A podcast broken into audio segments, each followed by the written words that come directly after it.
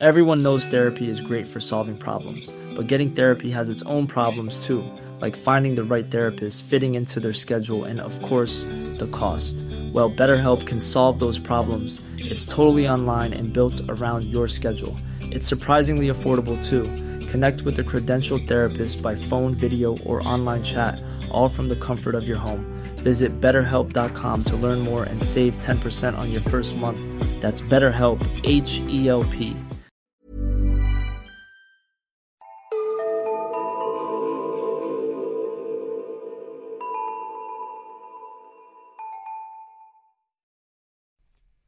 Hej och välkomna till Nära ögat, en true crime-podd för mesar. Mitt namn är Alexandra Kensdottir. Och jag heter Amelia Ingman. Välkomna till avsnitt 59. Det är så kul att vara igång den här säsongen. Ja, men det är tredje avsnittet denna säsongen alltså. Vi kan inte ah. säga det varje gång. Vad ska vi säga då? Ja, men välkomna hit. Gillar ni att se bilder från våra olika fall så in och följ oss på sociala medier. Vi heter Nära ögat podd på Instagram och Facebook. Ja, och om ni gillar vår podd så tipsa gärna en kompis om oss. Ja, det får ni hemskt gärna göra. Ska vi köra igång? Låt oss. Idag ska jag berätta om Jennifer Holiday. Känner du igen namnet? Nej, det kan jag inte säga att jag gör. Är det ett känt fall eller? Nej, inte så känt. Men det känns som ett Amelia-fall. Aha. Ja, då kan vi gissa vad det kommer handla om. Mm. Och det här fallet känns verkligen som en skräckfilm. Och det här är ett eh, tips som två av våra mesar skickat in. Så tack Alva och tack Giselle. Mina källor är ett avsnitt från I survived, ett avsnitt från podcasten They will kill samt artiklar från Blurred Lines och The Cinemaholic. Och jag vill börja med att varna för att det här fallet innehåller ett dödsfall. 2005 är Jennifer Holiday 27 år gammal. Hon jobbar som ambulanssjukvårdare och är ensamstående mamma till en sexårig pojke. Klockan två på natten den 29 maj så hämtar hon upp sin 18-åriga kusin Anna Franklin som precis slutat för kvällen. Hon har haft ett sent pass hos en familj där hon jobbar som barnvakt. Jennifer och Anna är väldigt nära varann och Anna ser till och med Jennifers son som en lillebror. På vägen hem så åker de inom en öppen närbutik där Jennifer ska handla lite snabbt. Efter Jennifer betalat och är på väg ut så kommer det fram en man till henne. Han är märkbart påverkad och han säger något olämpligt till henne. Han försöker väl stöta på henne, men på ett otroligt oskönt sätt. Så Jennifer avfärdar honom och går till bilen där Anna väntar och så kör de vidare. Men det dröjer inte länge innan hon märker att en bil som stått parkerad vid matbutiken nu följer efter dem. Jennifer kör runt 110 km i timmen på motorvägen när hon hör en kraftig smäll. Hon blir otroligt chockad. Båda kvinnorna skriker. Jennifer för att hon är rädd och inte förstår vad som händer och Anna skriker för att hon ser vad som hänt. Och i chocken så tror Jennifer först att hon har blivit påkörd av en rattfyllerist. Hon försöker lugna Anna och det tar en stund för Jennifer att förstå vad det är som egentligen har hänt. Och nu vill jag varna för hemska detaljer. Bilen som följt efter dem har kört upp bredvid Jennifers bil. Mannen i bilen har rullat ner rutan vid passagerarsidan och riktar och avfyrar ett hagelgevär rakt in i Jennifers bil. Det är krossat glas överallt från den sönderskjutna rutan och blodet forsar. Han har nämligen träffat Jennifer i armen. Hela vindrutan är täckt med blod så Jennifer kan inte ens se ut på vägen längre. Hennes arm är helt sönderskjuten och allt bara hänger i slamsor. Jennifer lyckas ändå köra in till kanten och stanna bilen. Och båda kvinnorna är i fullkomlig chock. Anna skriker att de måste fortsätta köra men Jennifer är helt oförmögen att köra vidare. Hennes arm är totalförstörd och hon ser inte ut genom den blodiga rutan. Hon ger Anna sin mobiltelefon och säger till henne att ringa 911. Samtidigt så har mannen som sköt kört in bakom dem och går nu fram till bilen. Mannen går fram till Jennifers krossade ruta, tittar in i bilen och säger “Hello girls” och skrattar. Det är mannen från butiken. Han som sa de där olämpliga sakerna till Jennifer. Alltså fan vad sjukt. Så han gör detta bara för att hon avfärdade honom? Ja, sjukt nog. Jag fattar inte. Hur kan han gå från att liksom bara bli dissad till att köra efter någon, jaga efter någon och sen skjuta henne? Nej, det är helt ologiskt. Och det hemska är att det här är bara början. Mannen är 31-åriga Eric Parnell och han är tvåbarnspappa. Eric har flera prickar i registret sedan tidigare. Han har åkt dit för rattfylleri och för att han inte dykt upp i rätten när han varit kallad. Han har en lång historia av att ha aggressionsproblem och att vara våldsam. Han har misshandlat mamman till barnen flera gånger men hon har aldrig vågat anmäla honom till polisen. Mamman till barnen lämnade Eric bara för några veckor sedan då han bland annat mordhotat henne. Och tidigare den här kvällen så har han försökt att få tag på henne. Han har ringt henne oavbrutet men endast kommit fram till hennes styvpappas telefon. Och styvpappan har vägrat att ge med sig och berätta vart kvinnan finns. Så Eric har såklart hotat att döda honom också. Eric beskrivs av sin familj som arg. Han blir galen när någon säger nej till honom. Han är en mobbare som tycker att han är bättre än alla andra och att kvinnor endast finns till för att tillfredsställa honom. I och med att han inte får tag på barnens mamma så är han totalt rosenrasande den här kvällen. Eric är som sagt framme vid Jennifers bildörr och han har sagt “Hello girls”. Han ser att Anna har telefonen uppe och att hon försöker prata med 911 så han tar telefonen och kastar iväg den. Och nu vill jag varna igen.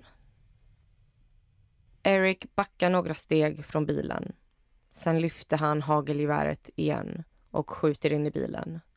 Skottet viner förbi Jennifer och träffar Anna i huvudet. Hon dör direkt. Eric drar nu ut chockade och skadade Jennifer ur bilen och han för henne till sin egen bil. Sen lämnar han henne i bilen och går tillbaka med någon slags påse i handen. Och Jennifer vet inte om det är för att han ska ta med Annas kropp eller om det är för att han ska gömma kroppen på något sätt. Jennifer ser att hagelgeväret ligger i bilen så hon tar det och kastar ut det. Och hon hoppas att hon har gjort sig av med hans enda vapen. Men inser snabbt att han tyvärr har flera skjutvapen till i bilen. Eric är snabbt tillbaka i bilen igen. Han gasar iväg och kör runt 150 kilometer i timmen. Och han är som sagt väldigt påverkad. Jennifer dividerar kring om hon ska försöka få tag i någon pistol och använda mot honom. Men hon är väldigt svag, hon blöder rejält och hon är fortfarande i chock. Eric beter sig väldigt labilt. Han slår Jennifer i ansiktet medan han kör. Han bränner hennes kropp med sin cigarett. Hans känsloregister går från rasande till att han får ett skrattanfall. Och Jennifer kan inte greppa varför han gör så här. Hon försöker prata med honom. Hon frågar om han har barn, hon berättar själv om sin son. Allt för att försöka få honom att förstå vad han håller på med. Att hon är en människa och att hon är en mamma. Men det hjälper inte. Eric kör till slut av på en liten väg och de kör tills de är mitt ute i ingenstans. Han drar ut Jennifer ur bilen. Hon skriker och hoppas att någon ska höra henne men de verkar vara helt ensamma. Han sliter av henne kläderna och sen våldtar han henne. Vad är det med den här typen av män? Vi kan fortfarande inte fatta varför han gör detta. Mm. Hans kvinnosyn är ju helt skev. Alltså utifrån vad jag har läst verkar han inte ha behandlat en kvinna bra någonsin. Men man blir så otroligt trött och arg att det finns såna här personer. Det enda Jennifer gjorde var att säga nej. Mm. Och till och med det kan vara så farligt att man riskerar sitt liv. Mm. Ett enkelt nej. Mm. Efter våldtäkten ändras Erics personlighet helt. Han blir som förbytt. Han bryter ihop och börjar gråta. Och så tittar han på Jennifer och utbrister. Men herregud, vad har hänt med din arm? Jennifer blir extremt förvirrad. Det är som att han inte förstår att det är han själv som gjort det. Och det är nu Jennifer inser vad hon måste göra. Hon ska spela med på hans konstiga beteende och försöka manipulera honom. Jennifer är fortfarande naken och hon blöder kraftigt från armen. De sitter i bilen och hon börjar ta på Eric. Hon smeker hans arm, hans lår och hon tackar honom för den mysiga stunden. hon pussar hans hand och säger hur fantastisk han är. Så sjukt att hon klarar av att göra det. Ja, alltså det är extremt svårt för henne att spela kärleksfull mot någon som precis mördat ens 18-åriga kusin. Han har våldtagit henne och skjutit henne i armen. Ja, jag kan inte fatta att hon klarar av det. Nej, men jag tror att hon förstår att det här är hennes sista utväg. Och Jennifer vill verkligen överleva för sin sexåriga sons skull.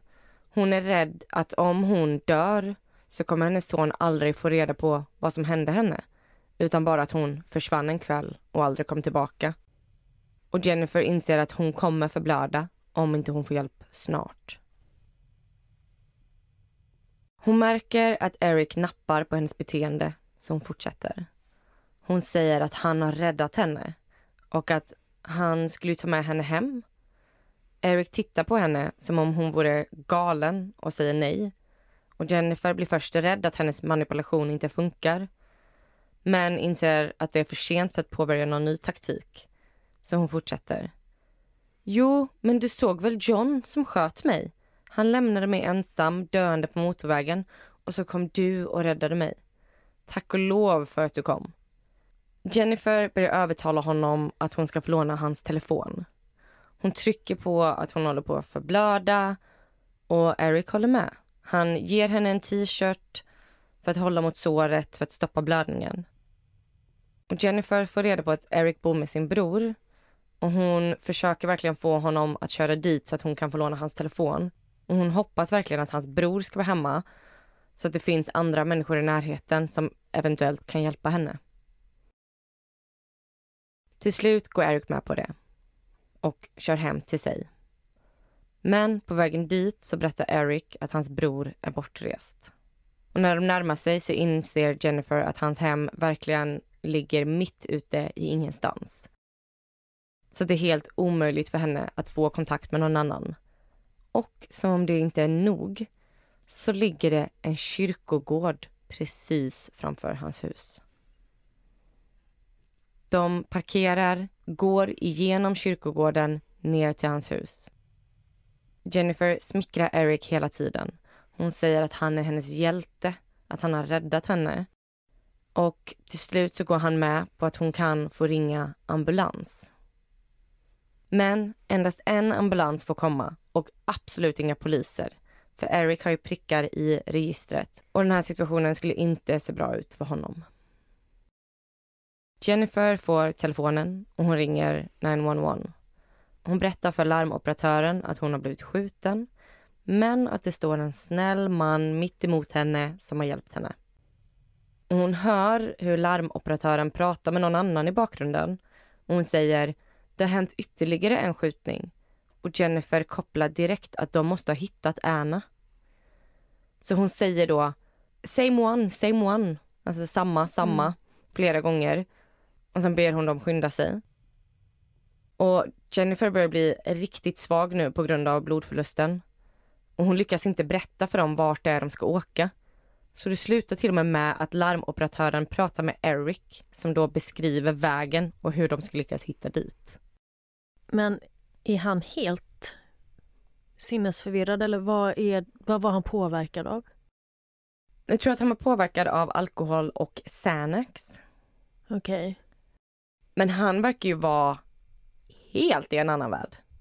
För han tror på att det var en annan man som sköt Jennifer, eller? Det verkar som det. Och Jennifer fortsätter att försäkra Eric om att han har gjort en bra grej. Hon säger att de kommer vara så glada över att du har räddat mig. De kommer tycka att du är en hjälte. Han ger henne till och med ett par shorts och en t-shirt att ta på sig i väntan på ambulans. Och det dröjer runt 50 minuter innan ambulans är på plats. Men larmoperatören är kvar i telefon hela tiden. Men under tiden de väntar så frågar Eric också flera gånger vart är din kompis? Och syftar på Anna. Och Jennifer säger då så lugnt hon kan att Anna vill ju inte hänga med och att hon valde att stanna kvar i bilen. Och det här är ju såklart helt surrealistiskt för Jennifer. Och hon är livrädd för att han ska vakna upp ur den här sinnesförvirringen och inse att allt är en lögn och också döda henne. När ambulansen kommer fram till vägen så ber larmoperatören dem att gå ut och möta den. De går ut ur huset och börjar gå mot ambulansen genom kyrkogården. Och Jennifer tycker sig se något som rör sig. Och så hör hon hur någon ropar “freeze”. Och hon tror först att hon hallucinerar för att hon har förlorat så mycket blod. Men så ser hon hur en massa personer kommer fram ur mörkret. Och det visar sig vara ett SWAT-team som gömt sig. De tar ner Eric på marken och arresterar honom. Och Jennifer tas direkt till ambulans. hon säger att hon aldrig varit så lycklig och glad över att se andra människor i sitt liv. Efter det här så genomgår Jennifer åtta operationer. Och de får ut en hel del av hagelsvärmen som hon träffades av. Men hon har fortfarande kvar 30 hagel i kroppen. Och hon trodde inte att hon skulle överleva det här och ser det som ett mirakel. Det tar bara en dag och sen erkänner Eric vad som hände i ett långt brev. Han skriver att han ber om ursäkt för vad som hände den kvällen. Att han var helt borta. Och att han förstår att Jennifer och hennes familj aldrig kommer kunna förlåta honom. För han kommer aldrig heller kunna förlåta sig själv.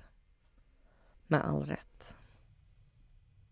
Rättegången hålls i slutet på 2006 och när Jennifer vittnar så har hon på sig en ärmlös topp för att visa sina stora ärr på armen. Och under vittnesmålet så säger hon att hon är helt säker på att Gud kommer ge henne frid en vacker dag. Men att Eric kommer behöva spendera evigheten i helvetet för vad han gjorde. Eric döms till mord, grov misshandel, våldtäkt och kidnappning och får två livstidsdomar i fängelse.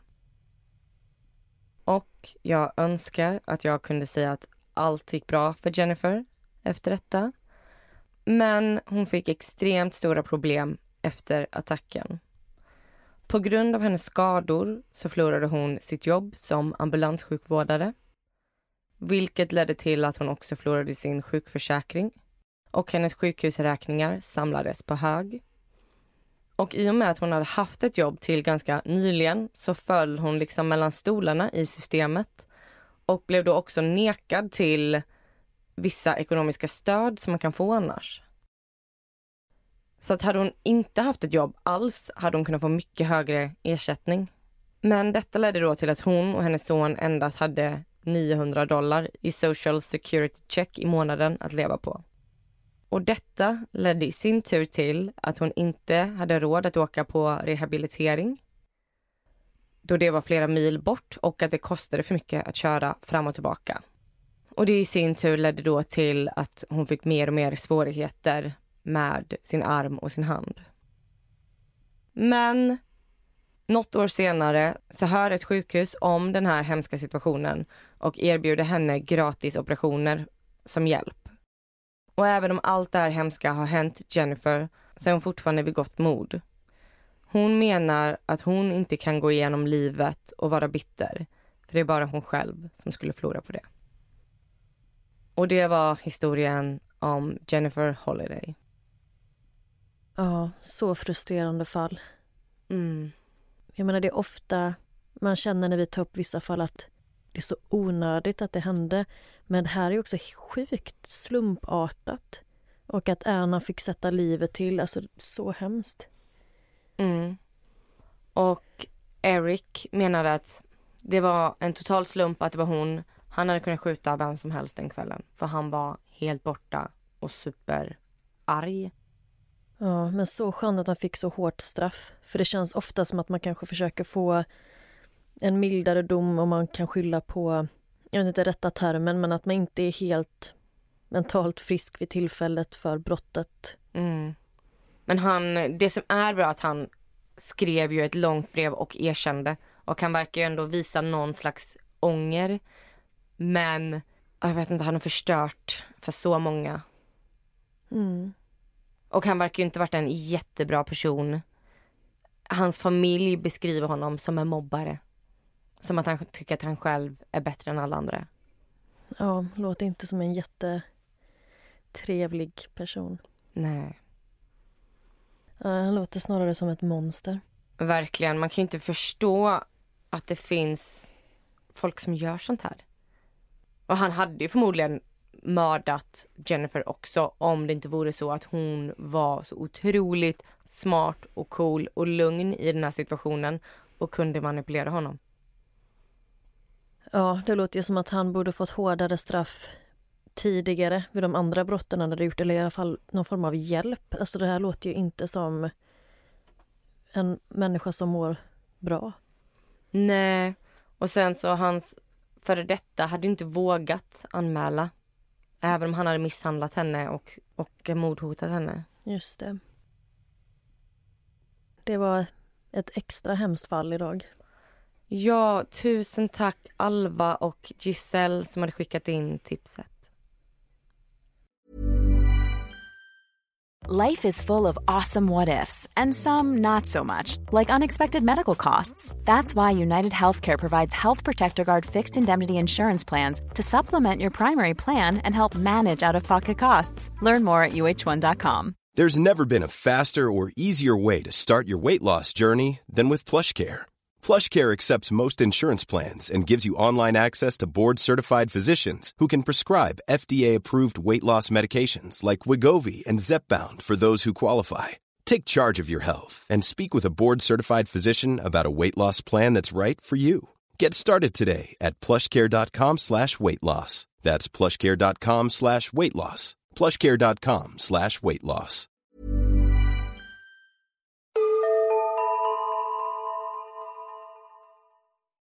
Idag ska jag berätta om Katie Beers. Och detta är ett tips som vi har fått in av Tessan, så tack så mycket för det. Och jag vill varna för att det här fallet handlar om barn som far illa och sexuella övergrepp. Så om ni är känsliga för sånt så kanske det är bäst att hoppa över min del idag.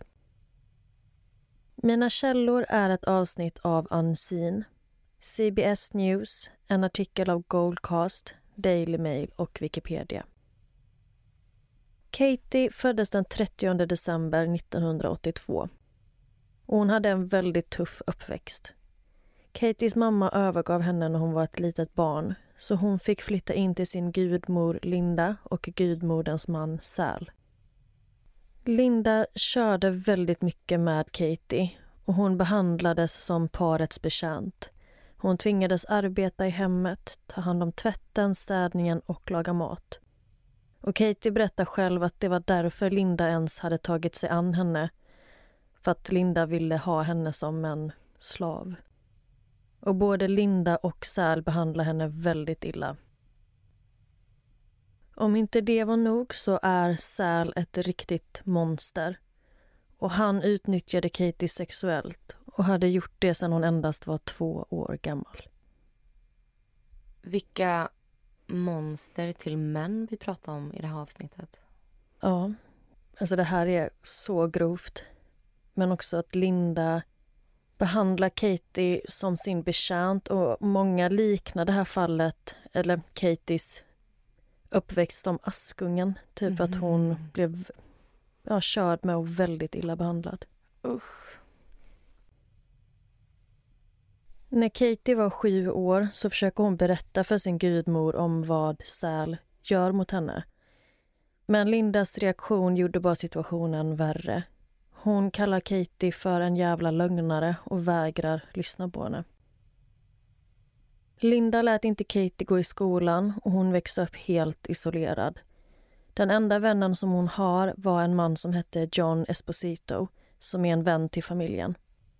För Katie så var deras relation speciell och hon hade inga vänner i sin egen ålder. Och hon berättade att de lyckligaste stunderna hon hade i barndomen var när hon fick träffa John. Hon älskade honom, hon kunde prata med honom och hon litade på honom. Men trots allt hemskt som Katie redan utsatts för så kommer det bara bli ännu värre. Måndagen den 28 december 1992, två dagar innan hon ska fylla tio år, så blir Katie kidnappad. Den dagen så var John barnvakt och de var på Spaceplex, en spelhall på Long Island som var Katies favoritställe. John tog med sig Katie dit som en tidig födelsedagspresent och John var känd bland flera av barnen i samhället och han kallades för Big John eftersom han var med i ett så kallat Big Brother Big Sister program. Och Katie älskade att åka till Spaceplex. När hon var där så glömde hon bort alla problem. Det fanns barn överallt och hon kände sig normal. Men plötsligt så försvinner Katie. När John märker att hon är borta så ringer han polisen som kommer till platsen. Och polisen evakuerar spelhallen, söker igenom hela lokalen och de letar efter Katie hela eftermiddagen utan att hitta henne. Polisen inleder en stor utredning kring Katies försvinnande. De vet att de måste agera snabbt när det handlar om bortförande av barn och att varje minut räknas. Det finns inga spår av Katie överhuvudtaget på Spaceplex. Men de får strax in sin första ledtråd. En stund efter försvinnandet så ringer Katie hem till sin gudmor Linda och gråter i telefonen. Telefonsvararen tar emot samtalet och hon säger att en man har kidnappat henne, att han har en kniv. Och sen säger hon att hon ser mannen komma igen och hon måste lägga på. Linda hör samtalet komma in. Men när hon kommer fram till telefonen så har Katie redan hunnit lägga på så hon hinner inte ställa några frågor eller prata med henne. Men som tur är så spelar telefonsvararen in det här. Och när gudmodern Linda får det här samtalet så är polisen redan på plats i spelhallen. Polisen som leder utredningen heter Dominic Varone och han skickar det här bandet med inspelningen av samtalet plus själva telefonsvararen till FBI. I väntan på analysresultatet så börjar polisen titta närmare på de som med största sannolikhet skulle kunna vara misstänkta för brottet. Nämligen Katies biologiska mamma, gudmodern Linda och Lindas man Säl. Detta för att statistiskt sett så menar polisen att de flesta fall av bortförande av barn sker av någon inom familjen. Plus att Linda har som sagt behandlat Katie väldigt illa och utnyttjat henne som sin personliga tjänare. Och Säl har tidigare varit anklagad för sexuella övergrepp mot Katie. Men det finns även en fjärde eventuell misstänkt utanför familjen och det är den sista personen som såg henne innan försvinnandet, nämligen John. När polisen får svar från FBI så får man veta att Katies samtal kom från en telefonkiosk utanför Spaceplex. Vilket polisen tycker är väldigt märkligt eftersom de fortfarande inte hittat några spår efter Katie inne eller runt spelhallen. Det är precis som att hon aldrig ens varit där. Och Det skulle även visa sig att hon försökt ringa Linda 19 gånger från telefonkiosken innan hon sen bestämde sig för att lämna ett meddelande på telefonsvararen. 19 gånger? Mm. Då känns det ju som att hon har haft tid på sig. Ja, precis. Så att de kan se att från telefonkiosken så har det gått 19 samtal hem till Linda. Och på det tjugonde samtalet så lämnas ett meddelande. Mm-hmm. Mm. FBI gjorde även en ljudanalys av samtalet och det resultatet gör det hela bara ännu mer förvirrande.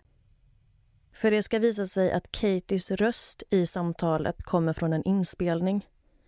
Och det är alltså någon som har fått Katie att låtsas ringa, spelat in hennes röst där hon berättar att hon har blivit kidnappad och sen spela upp det i luren för att få det att verka som att Katie själv har ringt från den här telefonkiosken utanför Spaceplex.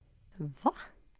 Mm, så nu vet man inte när det här spelades in, vart det spelades in. Det enda man vet är att någon vill få polisen att tro att Katie ringde själv därifrån. Också sjukt att polisen kan höra det. Ja, jätteimponerande. Och det verkar som att någon har använt sig av detta samtalet för att vilseleda polisen och få dem att tro att Katie blivit bortförd. Men ingen vet vem som ligger bakom detta. Och tillbaka till dagen då Katie försvann. Mannen som kidnappat Katie kör henne till ett hus där han bär in henne och tar med henne in i vad Katie beskriver som en garderob. Där ser Katie hur han öppnar en dörr som tar in dem i en dold tunnel. Och mannen tvingar Katie krypa in i tunneln tills hon kommer fram till en lucka. Han öppnar luckan och där innanför finns ett rum. Katie beskriver rummet som en fängelsehåla. Rummet är ljudisolerat, det finns en smutsig madrass där inne på golvet och det hänger kedjor runt om i rummet. Kidnapparen tittar på Katie och säger att det här är hennes hem nu. Inne i den här fängelsehålan så finns det även som en kista eller som ett mindre rum som mannen tvingar in Katie i. Hon försöker göra motstånd och slåss och hon gör allt i sin makt för att ta sig loss men mannen lyckas låsa in henne och lämna henne där. Och när hon ligger i kistan så märker Katie att luckan eller dörren är lite lös. Så hon börjar slå och sparka på den och efter ett tag så lyckas hon till sist sparka sönder den och kan då krypa ut. Och hon tänker att nu kommer hon lyckas fly. Men kistan är som sagt inne i den här fängelsehålan så hon är fortfarande inlåst och kan inte ta sig därifrån. Det finns en hylla där inne och hon försöker se ifall hon kan hitta något som hon kan använda som självförsvar. På ena hyllplanet ligger det massa med nycklar så hon tar en nyckel på måfå och gömmer den under madrassen. Sen hör hon hur någon kommer och mannen kommer in i fängelsehålan och ser att dörren till kistan är öppen. Och nu vill jag varna för hemska detaljer. Mannen blir upprörd och väldigt arg på Katie och det slutar med att han våldtar henne. Och under tiden i fångenskap förgriper sig mannen på henne otaliga gånger. Det sker flera gånger varje dag. Alltså stackars barn. Mm. Hennes liv har redan varit så svårt. Och så händer det här. Ja, det är så himla hemskt. Usch. I fängelsehålan så finns det en liten tv som står på dygnet runt. Och en dag så ser Katie på nyheterna och hon hör då hur polisen berättar att de har listat ut var samtalet till Linda kom ifrån och de vet att det var en inspelning av Katies röst. Hon ser även hur hennes familjemedlemmar pratar om vad som har hänt, bland annat hennes biologiska mamma Marilyn. Och när Katie ser Marilyn så börjar hon gråta och känner en väldigt lättnad över att hennes mamma saknar och letar efter henne. Och det ger henne hopp. Marilyn är övertygad om att Linda och Sal ligger bakom kidnappningen och hon menar att deras motiv är att de hade nyligen förlorat vårdnaden över Katie. Detta efter att Marilyn anmält Sal för att utsatt Katie för sexuella övergrepp. Och Katie ser även Sal prata på nyheterna om hur han vill hitta Katie men detta gör henne bara arg och upprörd. Polisen har flera teorier kring vem som kan ligga bakom Katies försvinnande. Men Varone, som leder utredningen, vill akta sig för att dra för snabba slutsatser kring vem som är skyldig. Mycket pekar på Sal och Linda men han menar att det också kan vara så att Marilyn ligger bakom allt och försöker skifta fokus så att Sal ska få skulden. Och polisen menar att Marilyn och Katies bror kan ha kidnappat Katie för att de kanske såg det som den enda utvägen att få henne bort från en hemsk situation. Efter att polisutredningen har pågått ett tag så visade det sig att alla familjemedlemmar, alla potentiella misstänkta, har starka alibin för tiden för kidnappningen. Och polisen hittade inga ledtrådar i någon av deras hem så polisen väljer nu att titta närmare på den sista personen som ska ha sett Katie men också den som utåt sett anses vara den minst troliga förövaren, John Esposito. Polisen försöker kartlägga hans steg dagen då Katie försvann och det är cirka 30 minuter till en timme som John inte kan redogöra för. Polisen beviljas en husrannsakan och söker igenom Johns hem men de hittar inga tecken på brott. Polisen gör även en bakgrundskoll på John och kontaktar Big Brother Big Sister-programmet som John menar att han är en stolt medlem i. Men det visar sig att när han ansökte om att få gå med i det här programmet så ska de som driver det i sin tur också gjort en bakgrundskoll på John. Och de upptäckte då att han tidigare varit anmäld för en kidnappning av ett barn. Och han blev därför nekad till att bli en så kallad Big Brother.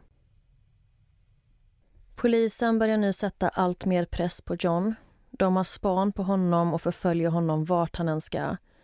Media uppmärksammar fallet och de förstår att polisen misstänker John och även de börjar följa efter honom och det står konstant nyhetsteam och rapporterar utanför Johns hem. På Johns tomt så står det en stor villa och ett garage lite längre in på trädgården. Och det är i garaget som han bor. Från fängelsehålan kan Katie följa nyheterna och hon ser att John är polisens huvudmisstänkta. Hon kan även se all nyhetsrapportering från utanför Johns hus. Och det är även där hon hålls fången. Det är Big John, Katies bästa vän, som kidnappat henne. Hennes enda vän. Mm. Den enda hon litar på, den enda hon kan prata med. Alltså hur ond får man vara? Du vet att den här flickan har det så svårt i livet. Du är hennes enda vän och du gör så mot henne. Ja, det är fruktansvärt. Och John hade planerat det här bortförandet långt innan dagen han kidnappade Katie. Han var den sista personen som Katie någonsin hade kunnat tro skulle göra henne illa. Och nu känner hon en stor lättnad över att det verkar som att polisen är på rätt spår. Men polisen har ännu inte tillräckligt med bevis för att gripa och åtala John. Plus att de har fortfarande ingen aning om vad han gjort med Katie. För varje dag som går så tror polisen mer och mer att de inte längre kommer hitta Katie vid liv. Några dagar senare så vaknar Katie upp i fängelsehålan och John har satt en kedja runt hennes hals som är fäst i taket. Katie är såklart väldigt rädd men så kommer hon på att hon har gömt en nyckel som hon hittat på hyllan flera dagar tidigare. Och helt sjukt nog så passar den här nyckeln till hänglåset som sitter på kedjan. Så hon kan frigöra sig själv men innan hon låser upp så räknar hon hur många öglor in på kedjan som låset sitter. Och detta då för att hon ska kunna sätta fast det igen utan att John ska märka något. Och så fort hon hör att han närmar sig fängelsehålan så snabbar hon sig med att låsa fast sig själv igen. Och hon är tio år. Ja. Hon har fyllt tio år i den här fängelsehålan. Alltså så otroligt sorgligt. Men också så här, vad smart av henne. Vad genomtänkt av en tioåring att räkna öglorna. Ja, hon fattar att även om hon kan, kan låsa upp kedjan så kommer hon inte kunna fly och allt handlar bara om att överleva. Mm. Ju närmare polisen kommer John i sin utredning desto mer tid spenderar han hos Katie och han lämnar knappt hemmet längre. Polisen har hela tiden patruller utanför Johns hem och Verone, polisen som leder utredningen, höll till och med förhör med John inne i hans hus. Verone kände hela tiden på sig att John hade något med försvinnandet att göra och han beskriver att han kunde se oron och nervositeten i Johns ansikte när han var där. Och John blir allt mer desperat och han försöker få med Katie på olika idéer så att han ska komma ur den här situationen. Till exempel så vill han att de ska få polisen att tro att hon är död. Så han ber Katie spela död så han kan fota henne och skicka detta till polisen. För då kanske de kommer sluta leta efter henne. Men Katie är smart och hon förstår att om hon går med på detta så kanske hon aldrig kommer bli hittad. Så hon vägrar spela död. Och från den stunden så sover hon knappt något mer. Och hon vågar heller inte äta någon mat som John eventuellt kan ha mixtrat med. För hon är rädd för att han kanske skulle försöka droga henne med sömnmedel eller något liknande och därmed kunna ta den här bilden där hon ser död ut. Efter detta så bestämmer sig Katie för att konfrontera John. hon ställer massvis med frågor i hopp om att han ska inse vad det är han håller på med och hur galet det här är. Hon frågar bland annat hur hon ska göra med skolan. Hur ska hon överleva i den här fängelsehålan? Hur kommer hennes liv se ut? För hon vill ju gifta sig och skaffa barn någon dag. Och han har svar på allt och han försöker till och med skoja och säga att du kan gifta dig med mig, du kan skaffa barn med mig, du kan göra allt du vill med mig. Och Katie svarar då att hon inte vill och att hon äcklas av John. Hon är bara tio år och han är en gubbe. Och hon försöker få honom att tänka på de långsiktiga konsekvenserna av att han kidnappat henne. Och det här funkar. John bryts sakta ner. Den stora pressen från polisen, deras konstanta närvaro och att han blir förföljd vart han än går samt Katies oavbrutna tjatande och frågande blir för mycket. John säger till Katie att han planerar att antingen fly eller att avsluta sitt eget liv. Men hon förstår att om hon låter John göra detta så kommer han förmodligen döda henne först eller lämna henne att dö i fängelsehålan. Så Katie bestämmer sig för att säga att hon är sjuk och att hon inte mår bra vilket blir ännu en till grej som sätter press på John. Så till sist så väljer han att kontakta sin advokat och han säger att han har något viktigt att berätta. Han säger att han vet vad Katie är och att hon är bakom väggen. John leder polis och åklagare genom alla de steg som krävs för att nå fram till fängelsehålan som han har byggt. Det finns en bokhylla som står på hjul som han är tvungen att flytta på. Bakom bokhyllan, på golvet, ligger en vinylmatta man måste rulla undan. Under den finns ett cirka 9 kilo tungt cementblock och man är tvungen att först hämta en krok och ett band i garaget som man sedan fäster i en hänganordning i taket bakom hyllan för att sen kunna hissa upp cementblocket. Efter man lyft av cementblocket så är det en öppning med cirka två meter ner till ett underjordiskt rum. Och där nere är det en korridor som leder fram till fängelsehålan där Katie hålls inlåst. Det här är ju otroligt genomtänkt. Har han byggt det här själv eller? Ja, och John har spenderat flera år med att förbereda detta med syfte att kidnappa Katie. Men gör något vettigt med ditt liv istället för att planera en kidnappning av ett barn, John. Mm.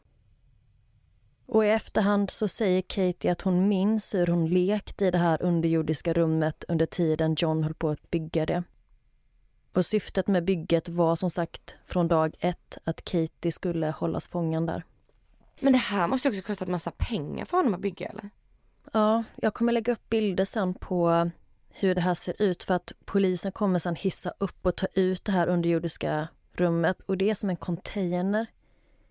Så att han har liksom grävt en stor grop i tomten när han då har satt ner den här containern som han sen har täckt över med jord antar jag. Ja, det är ju helt sjukt. Mm. Och den var också ljudisolerad. I den fanns den här lilla kistan eller vad man ska kalla det, där han hade tänkt ha henne som hon lyckades ta sig ut ur. Så det är många steg. Jag tror polisen säger att det var hela 30 steg för att ta sig in till Katie. När polisen tar sig in i fängelsehålan så förstår inte Katie vad det är som händer. Hon ser hur dörren öppnas och där står plötsligt en man hon inte känner igen. Men mannen säger att han är polis och att hon är i säkerhet. Katie räddas onsdagen den 13 januari 1993 efter att ha varit inlåst i Johns fängelsehåla i 17 dagar. Varone, polisen som leder utredningen, blir chockad över hur till synes bra Katie verkar må. Han beskriver det som att det ser ut som att hon är på väg hem från en vän, inte att hon har suttit inlåst i en håla i 17 dagar. Och tioåriga Katie är positiv och glad när Varone träffar henne och han förstår direkt att hon kommer ta sig igenom detta, att hon är en överlevare. Det sjuka är ju att hennes fruktansvärda barndom kanske gjort henne så härdad att hon kan ta sig igenom det här. Eller förstår du vad jag menar? Ja, mycket möjligt. Men tänk på vilket svek hon måste känna när John gör detta mot henne. Mm. Usch, så hemskt. Ja. På polisstationen berättar Katie vad det var som egentligen hände den där dagen som hon försvann. Och det var så att John hade lovat att ta henne till Spaceplex, men de åkte aldrig dit. John Esposito erkänner att han kidnappat Katie och han åtalas och döms för kidnappning och fick 15 år till livstidsfängelse.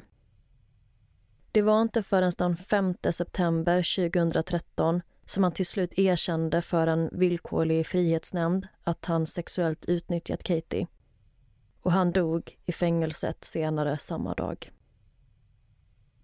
Under utredningen hade Verone inte bara lyckats identifiera John som skyldig till kidnappningen utan han fick även fram sanningen om allt som Linda och Säl utsatt Katie för. Så hon placerades i fosterhem så fort hon fritagits från John och fosterhemsplaceringen blev Katies räddning. Hon fick en mamma, pappa och syskon som älskar henne och hon beskriver det som helt fantastiskt. En rättslig process mot Säl inleds och han åtalas för sexuella övergrepp mot barn. Och den 9 augusti 1994 så döms han till 4 till 12 års fängelse. Och straffet blev förlängt efter att han bröt mot reglerna under sin villkorliga frigivning. Och han dog i fängelset den 21 februari 2009. Katie säger att hon alltid kommer känna tacksamhet till Verone. Han räddade henne på mer än ett sätt. Dels från John, men även från Linda och Säl. Han hade full fokus på henne i 17 dagar och han gav aldrig upp. Och Katie är även tacksam för den relation som de har än idag. Verone skrev ett brev till Katie kort efter att hon räddades. Och I brevet stod det bland annat att han tycker att hon är en otrolig ung flicka med en oerhörd stark vilja att leva. Att hon önskar att de hade kunnat hitta henne tidigare och att många vuxna aldrig skulle klarat av att överleva det som hon tvingats gå igenom.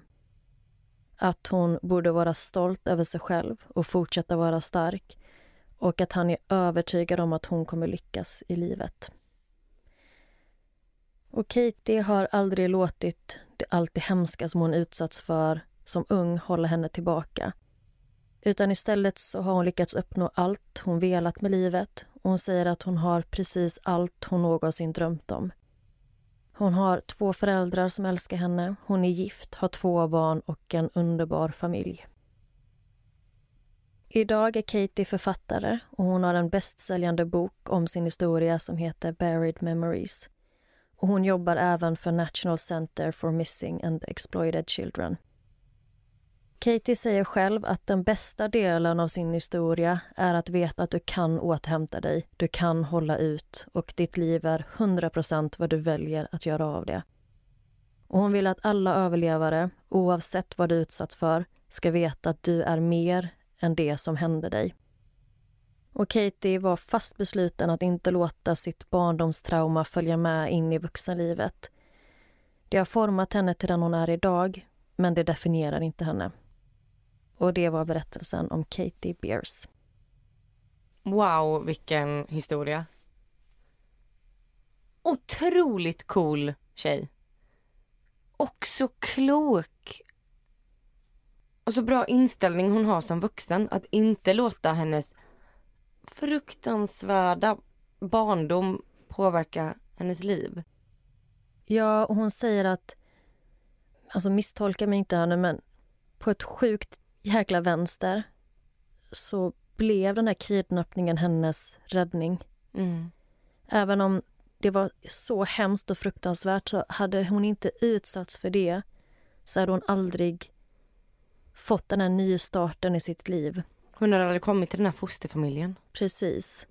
Och hon känner en extrem tacksamhet för att hon fick en ny chans. Hon fick en ny familj Mm. och ett bättre liv. Mm. Och det har John ingenting med att göra utan endast hon själv och polisen egentligen. Jag vill inte ge honom någon cred för något. Exakt, exakt. Vi får tydliga med det att hon kände absolut ingen tacksamhet för det John gjorde, absolut inte, utan mer bara hon kan se det Hon positiva, eller hon kan se den positiva vinkeln av det som hon utsattes för. Ja, och det är också det som är hennes styrka, att hon kan se de positiva delarna av vad hon har varit med om. Och hemskt nog, alltså som vi sa innan, hade hon haft en inom citationstecken normal uppväxt så kanske det här traumat hade blivit ännu mer traumatiskt. Det låter fruktansvärt hemskt att så här, men på något sätt så måste hon ha varit härdad. Och det är ju otroligt, otroligt mörkt och hemskt. Men jag blir så imponerad av den styrka hon har. Mm. Och hon säger också det att hon blev både fysiskt, känslomässigt och verbalt misshandlad av alla vuxna som skulle ta hand om henne. Så hon blev helt försummad och socialtjänsten kom ju till Säl och Lindas hem för att se så att allting stod rätt till och de utförde intervjuer och pratade både med henne och gudmodern. Men Katie säger att det är väldigt svårt att berätta sanningen för en socialtjänsteman som intervjuar dig i huset där övergreppen ägde rum. Det räcker ju inte med en intervju. Och om hon inte kan lita på någon annan vuxen i sitt liv, hur ska hon då kunna lita på en person hon inte känner från socialtjänsten? Nej, precis. Så ja, jag tycker det är ett fint slut på en fruktansvärd historia. Att hon fick som sagt familjen hon alltid drömt om och att hon och Verone har haft en bra kontakt genom livet. Mm. Och jag är så glad för att hon verkar må bra idag. Mm. Och som sagt, hennes bok heter Buried Memories om ni vill läsa mer om Katies berättelse. Ja, tusen tack för den här berättelsen Amelia. Jag hade aldrig hört om den innan. Nej, och tack igen Tessan för tipset. Om ni har fler tips om olika fall eller sjuka berättelser som ni vill att vi ska ta upp här i podden så får ni hemskt gärna skicka in det. Och det gör ni enklast genom att skicka ett DM till oss på Instagram. Mm. Och där heter vi Nära ögat podd. In och följ oss där så kan ni också se bilderna från dagens fall. Precis. Vi hörs igen nästa vecka. Ha det fint! Hej då!